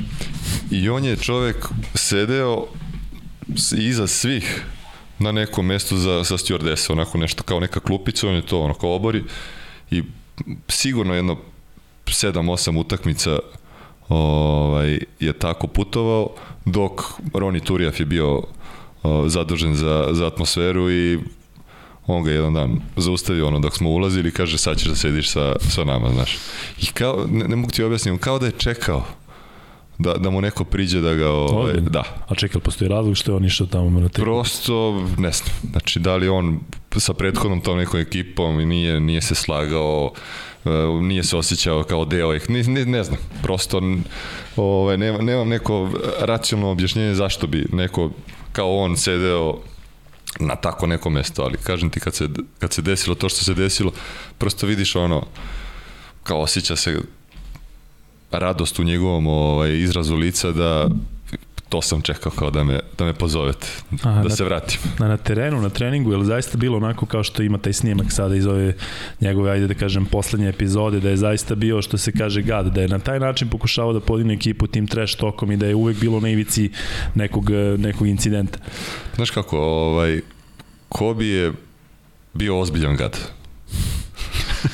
uh, ali kad kažem gad, ne mislim u negativnom da, smislu. Da, mislim da uh, to što je on kako je on doživljavao košarku i šta je on radio da bi usavršio neke stvari koje je radio na terenu. Uh, ja mislim da većina nas i kad bi pokušali to da uradimo i kad bi dali sve od sebe i ušli u tu taj neki ovaj mindset ono što što kažu Amerikanci da ne bi uspeli. Jednostavno ja mislim da mora da se rodiš takav i mislim da je dobro da nema takvih mnogo. Jer kad bi takvih lupan bilo pet u ekipi, ne bi valjalo. Ne bi valjalo. Pa bilo ih je dvojica, pa nije, nije funkcionalno. A, a s druge strane, to je čovek koji ono, ući će u kontakt sa tobom na, na treningu da ti polomi ruku, bukvalno. I ako mu ne odgovoriš u smislu da mu vratiš, Polomić. On, on, te, on te lomi bukvalno dok, dok ti ne polomi ruku. Tako je bio prema saigračima, zato što se zna ja da je ti tako. pričam na, na treningu? Da, da, da, to, A? znači i sa vama. Da, ja sam na treningu. Ne, kažem ti, znam i ima priča za McGrady, a ovaj zna da je polomio leđa, da, da ima na, operaciju, on ga gađa u ne, to ne, ja ti pričam trening, ja ti uopšte ne pričam o utakmici, to što pa, se dešava na utakmici. Znaš, sa igrači se treba, treba ti, treba ti sutra. On, da, da, ali znaš kako on to posmatrao? Ako ti nisi u stanju da se izboriš sa njim, da, kako ti njemu ne da. trebaš. Da. Razumeš? Znači on je tebe gurao ono do, do tvojih posljednjih granica i, i mentalnih i, i fizičkih prosto da izvuče najbolje iz tebe. Sad, opet ti govorim, ja ti ovo sve pričam iz neke ovaj, perspektive koja je 10 godina kasnije, znaš, mnogo je, mnogo je lakše odavde pričati nego u trenutku kad se nađeš tu, ali uh, onog trenutka kad mu odgovoriš, kad ga udariš, tog trenutka zaslužuješ respekt, respekt kod, kod njega i i prihvatate. On te prihvata. Do tada on on nemilosrdno ono nemilosrdno lomi Uh, radi stvari koje prosto ono, ja sam sa strane posmatrao par nekih saigrača, neću im ovaj, spominjati imena, da pokušavaš da mu kažeš ono, moraš da ga ovaj, da mu vratiš, moraš da ga udariš kao hoću, hoću, hoću i nikad se ne desi i prosto ga samelje. Nevjerojatno, nevjerojatno priča. Znaš što je još nevjerojatno? Aleksandar Šubara kad je osvojio svetsko prvenstvo u basketu bio je na večeri sa Kobijem Bryantom i 100% ga je naučio te psovke, a onda je posle samo vladno. a pričali smo tamo, se sećaš? O Šubar je streetballu i sve. Šubar je osvorio, Aleksandar Šubar je osvojio streetball i dobije za nagradu o, večeru sa Kobijem Bryantom. Stvarno? Da, da. 98. na primjer, ja mislim. Da, tek je Kobi još Tako da je Šubara sedeo s njim na večeri kao prvi osvajač tog nekog međunarodnog da, da, da. Inače mi da Šubar krenemo, da, da. Sad ćemo zovemo Šubar u sledećem pa, emisiju. Da. Vlado, posle Lakersa, uh, ne mogu da kažem da si tad već bio na zalasku karijere, nisi, ali da li je to uh, taj treći period, taj poslednji period, da li uh, si već krenuo kao što je obično slučaj kod veterana u, u NBA ligi, da se jednostavno možda i manje trošiš i da, da jednostavno gledaš košarku na neki drugi način. Ajde da podelimo tu tvoju NBA karijeru na tri dela, dakle Seattle, pa Lakersi, pa posle Lakersa. Vidi, posle Lakersa definitivno odlazak u, u Charlotte Bobcats u tom trenutku je ono, bio opet šok za mene, znaš, pričao sam ti Seattle, da, Lakersi da, druga i onda Lakersi, Charlotte koji je u odnosu na, na Sonics je bio daleko nivo ispod i kao prva utakmica, ali opet ti kao odlaziš, e, gledaš kao neki novi početak, e, šansa nova i ulazim na teren, prva utakmica, škripe patike, Nema žamora. Nema nikoga u sali, znači ima 350 ljudi u, u sali u tom trenutku i shvataš kao ovo je nešto drugo. Znači, kao, igraš isto ligu, ali u principu ovaj, malo drugačiji. No sad si otišao u Leskovac, nisi više u Hemu. Više nisam ni u Hemu, da. A još tad su bili Bobcats, tako? Još se nisu vratili. Da tad su bili Bobcats, da. Ja sam otišao iz, uh, iz Charlotta iste te godine. Ja sam završio sezonu sa, sa njima i počeo sledeću sezonu i tradovan bio u u Warriors što je bilo ono za mene kao uf, dobro je, Znaš, samo da sam otišao iz, iz Charlotte. Neću da te pitam uh, odmah o Stefu Kariju, odmah, zato što odmah ljudi... Um, jel je imao odnos prema tebi u smislu da si došao iz njegovog Charlotte, pa li imao taj neki kontakt kao pa došao ne, iz njegov? Ne, ne. Znaš kako, njegov, njegov čale ovaj, komentarisa utakmice uh, Charlotte Bobcats. Da, da. Znači, ja sam te sezone kad sam završavao sezonu u, u Charlotteu sa ovim mojim saigračima uh, čuo za Stefa, znaš, svi su oni pričali sa Del Karijem da će biti draft, koji će biti draft, znaš, ja prosto kažem ti, nisam pratio u koleč košarku, tako da nisam bio u toku, ne znam ni, ni ko je Stef, da. ni, ni gde igra, naš, u Davidson. Da. I onda kad sam otišao u, u Warriors-e, uh, povezao sam Del Kari, Steph Kari, ja sam igrao proti njegovog ćaleta isto igrao. Uh, I onda kao doživljavaš tog momka na neki totalno drugačiji način, znaš. Uh, ta ekipa se u tom trenutku polu raspadala, mogu slobodno da kažem, bilo je mnogo povreda, uh, neko nezadovoljstvo unutar tima, loša hemija među igračima. Jenkins bio tada kada si ti bio? Uh, Jenkins, ne, Nije. ne. Tad je bio, ovaj, Monte Ellis je bio glavni, uh, da. glavni igrač u tom da. trenutku. Došli smo ja i Raja Bell iz, iz Charlotta, a otišli su Steven Jackson i još neko, slagaću ne. ko, ne mogu sad više ni da se setim za, za nas dvojicu. A, kažem ti, totalno rasulo, ja sam isto te sezone bio povređen dobrih jedno meseci i po dana, ako ne i dva, sa Ahilom tetivom sam ovaj, kuborio i u jednom trenutku smo imali ovo što Kuzma kaže iz razvojne lige trojicu igrača koji su počinjali utakmice. I ono što, se, što, što je mene oduševilo u, u, u toj ekipi, to jest u tom gradu, sa svim tim problemima koje smo imali, ljudi su i dalje dolazili da gledaju utakmice. samo što su bili nemilosrdni. Znači, ono, Da. uđeš, promašiš, izviždate. Mislim, to je stvarno Da, bilo... bolje da nisu da, došli. bolje da, kao osjećaš se bolje da ne dođu, ali, ali ta podrška koju su davali ekipi u trenutku kad se ništa nije dešavalo je stvarno za, za, za svaki respekt. Um, da li si onda kada si prestao da igraš, da li si pratio šta se dešava sa Golden Stateom, zato što je malo posle toga draftovan Clay, draftovan Draymond, oni su brzo postali ekipa koja je praktično odjednom postala sila u ligi. Pa- da li si se distancirao, kao što smo pričali, ili si jednostavno... Vidi, to se Da sve propratiš. počelo dešavati 2013. godine, Da. ovaj, kad sam ja prestao da igram i ja sam u tom trenutku košarku stavio na neko totalno drugo mesto, a, počeo se bavim stvarima koje nisam mogao da radim dok sam igrao, imao sam jednu avanturu kao što svi znamo tih stvari koje ne smiju da se rade, pa sam prošao kako sam prošao i onda sam ovaj, kažem ti, krenuo da vozim motor, a, da idem na skijanje, da radim, kažem ti, one Sve što nisi sve mogao što celog nisam smeo i što, Da. sve što nisam mogao, ja sam to krenuo da radim. A recimo, ajde da, da skočimo na, na period danas, na omiljeni Kuzmin NBA i danas. E, Eto, recimo, tvoj bivši trener Nate McMillan je sad u Atlanti, radi sa Bogdanom Bogdanovićem. Da li imaš ikakav odnos da ti je možda ta Atlanta negde ispred da kad vidiš rezultate ili nešto? Ti si radio sa Nateom u Sjetlu, tako? Da, da, Da. da. ja sam sa Nateom uh, četiri i po godine, boga mi, skoro pet sezona. Za, za njega si pričao da je zaista fantastičan čovjek i fantastičan trener i u Indijani sve, zaista, jel, Da, jel, da. I, I opet ti ponavljam, uh, kao neki klinac koji je došao, koji misli da, svi smo mi mislili da smo bolji nego što Da. jesmo, da se odmah razumemo. Uh, mislim da je to kod svakog sportiste izraženo, ta samoživost, uh, vera u sebe do, do te mere da misliš da možeš da pobediš svakog i ja mislim da bez toga čovjek ne može ni da se bavi sportom. Ali onda u nekom trenutku, kažem, kad prođe karijera, kad se sve onako slegne kako treba, onda shvatiš gde si grešio, šta si radio, šta nije trebalo da radiš.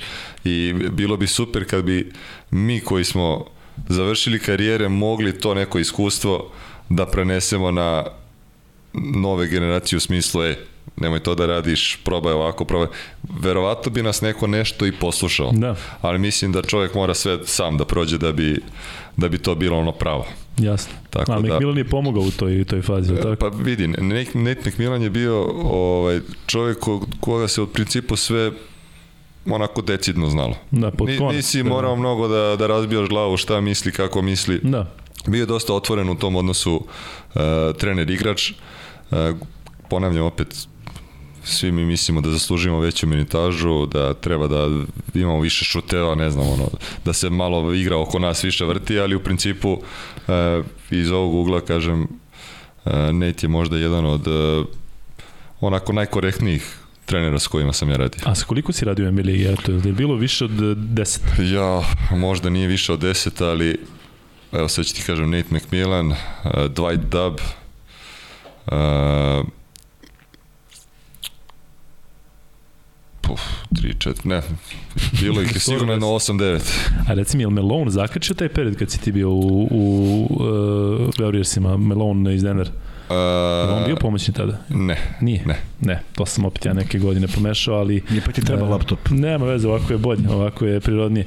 E, za kraj, e,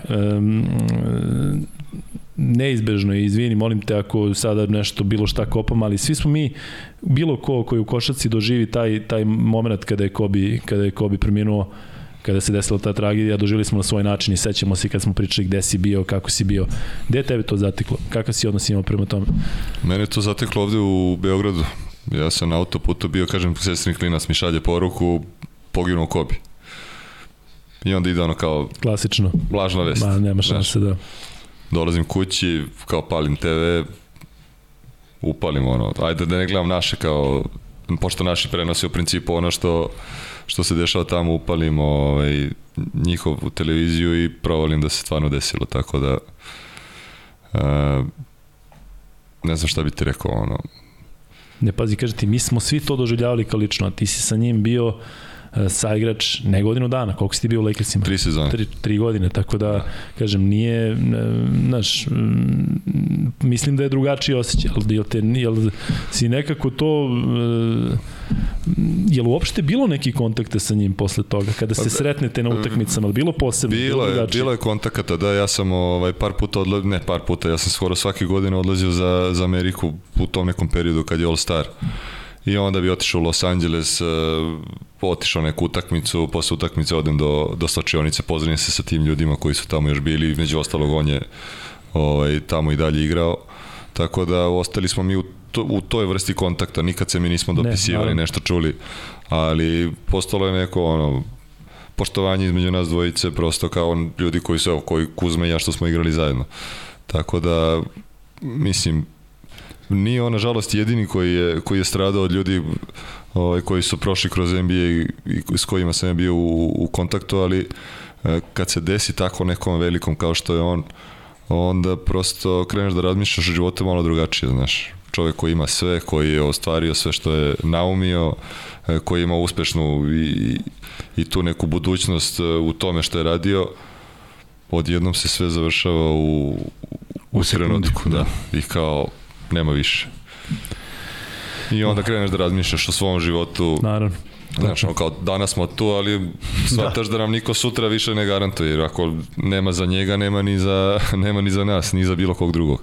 Tako da život treba, mislim, ovaj, e, doživljavati onako malo smirenije, uživati u svakom trenutku ovom sada, ovo što se dešava, jer I ono što je bilo i ono što će da bude, to A, je Napravio si nam užitak, iskreno govoreći, ja sam uživao. A veruj mi ti. Ti znaš, ja, naš, naši, naši podcast pa e, nije možda ni pristino praviti neku selekciju šta je bilo najbolje, ali ovo je zaista jedno, jedno, jedna posebna stvar. I način na koji se desilo i kažem zato što ništa nismo spremali i zato što zaista si Lado nama učinio veliko zadovoljstvo svojim prisustvom. I evo za kraj, samo e, nevezano za košaku, to što si posljednje rekao, jel ti sad uspevaš da vodiš takav život smiren, da uživaš u nekim stvarima kojima nisi uspeo tokom karijere. Mislim, ti već dugo nisi aktivan, ali da, da li si danas srećan ispunjen šta god radio? Pa ja sam apsolutno ispunjen, ono, ne bavim se košarkom, sem što sam radio neke stvari za, za NBA kao ambasador ovde za, za Evropu, kako je krenula pandemija i to se sve onako ovaj, ugasilo, ali polako počinje ponovo da se vraća. Ali kažem ti, uživam u porodici, prijateljima, supruga, deca, te neke stvari koje ovaj, ispunjavaju. ispunjavaju svakog čoveka, znaš, ono, lepo je sećati se i karijere i svih tih trenutaka koje, koje su obeležili jednu dekadu, slobodno mogu kažem, u mom životu, ali uh, sve to u poređenju sa ovim što ja sada trenutno imam je zanemarljivo. Reci kako kre. Da da pričamo, da da pričamo Savrš... o Partizanu i o CDViti, da se vraćamo više ne pričamo, 21. je gotovi, nema više.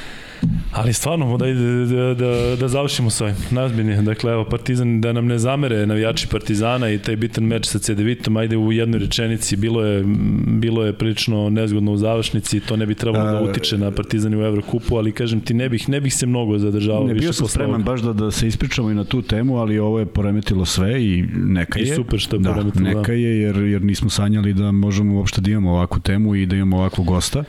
Zato što, gledam, ti pričati sad o Lesorovim promašenim bacanjima ne, nema, i o tome, nema. znaš, ja sam hteo da pričamo da, da ove situacije oko Avramovića, ja sam nosio masku pa se sećam da stvarno ta situacija ti ne vidiš ko ti je kada mu je Ferel ukrao loptu, pa da se mi sad bavimo tim nekim ne, ne, bi, ne bi se bavio ni ovako, ne, ne da, bi se bavio ni ovako. Kažem ti, ja bih ovaj, opet ušao u te neke detalje, ali ajde, e, samo kratko. Samo je to reč, samo je to reč, detalji. Zato što se vezujem na, na, pit, na pismo koje smo dobili od momka Filipa Gabrilovića, koji priča o tim detaljima i da mu se to najviše dopada u košarci. Vlada je sigurno radio na detaljima jer je takve trenere morao da ima. E, detalji su se izgubili i e, svako ko želi da pogleda ponovu utakmicu verujem da može, da vidi te detalje koji, koji čine jednu ekipu e, nepobedivom zato što su ti detalji pod kontrolom. Kada svako ima jedan detalj koji, koji ne uradi, to je 12 detalja, tako? To je, to je ozbiljna ozbiljan minus i Partizan je zbog toga izgubio, ni zbog čega drugog, zato što su presudili neki detalji i, i e, e zato ja izra, izražavam svoje žaljenje što nema više mesta za treninge, zato što se na treninzima ti detalji usavršavaju i onda ih nema toliko na, na, na gomili na jednoj utakmici, jer jučerašnja utakmica je tačan baš pokazatelj kako može da se izgubi zbog, zbog par detalja jedna utakmica koja je Partizanu dosta značila zbog nekog mira u glavi, zbog poruke koju šalju CDViti da nemaju šta da traže u doigravanju. Ovako je CDVita u neverovatnom usponu od 12 pobeda što, što, što se ne dešava često i u jednom i u drugom takmičenju. A e, Partizanu sad posle ove utakmice sve su oči uprte u u Evrokup u čekanje da li će Juventud napraviti kiks pa da budu prvi. U svakom slučaju imaju ta tri protivnika, jedan od ta tri će biti već viđen pošto su podjednaki na, na, na dnu tabele u drugoj grupi i e, fokus na, na Evrokup. I to je to. E, reću, nema šta mi da se hvalimo i drugari smo i kolegi smo, ali sada, i pričao smo, pričali smo o tome sada, posle CDVite sam ja razumeo šta si ti rekao za Abramovića, mi smo ga veličali, ali kada si rekao ne treba baš onako da se odreaguje, zato što te to obavezuje da to radiš svako veče, a on postoje večeri kao prethodno da ne uradiš to, sada razumem u potpunosti u praksi šta se uradilo. Da, apsolutno bez, bez namere da sada mi na bilo koji način opet kažemo da smo nešto videli ranije, odnosno ti, ali svejedno, uh, toliko za ovaj podcast, toliko za ovaj podcast. Nadam se da ste uživali kao što sam ja uživao, kao što je, nadam se, i Kuzma uživao. Ja sam još uvek zaista... ovaj, u jednom priličnom šoku, ali ispalo je sve kako treba. Uh, snašli smo se. Mm, jesmo, da, nekako. Uh, I još jedna stvar, da, uh, Luka i Kuzma na Instagramu, i da, mail luka i kuzma ete gmail, pa napišite šta volite, šta ne volite. I kako je za vas I... izgledalo ovo sa Vladom u smislu kao iznenađenje? Kažem, za nas je ovo bila jedna posebna priča. Tako je. Tako da nema šta više da kažemo, zgotovo i ovo izdanje, naravno ponedljaka se vidimo ponovo. Vlado, hvala ti puno. Hvala, hvala vam.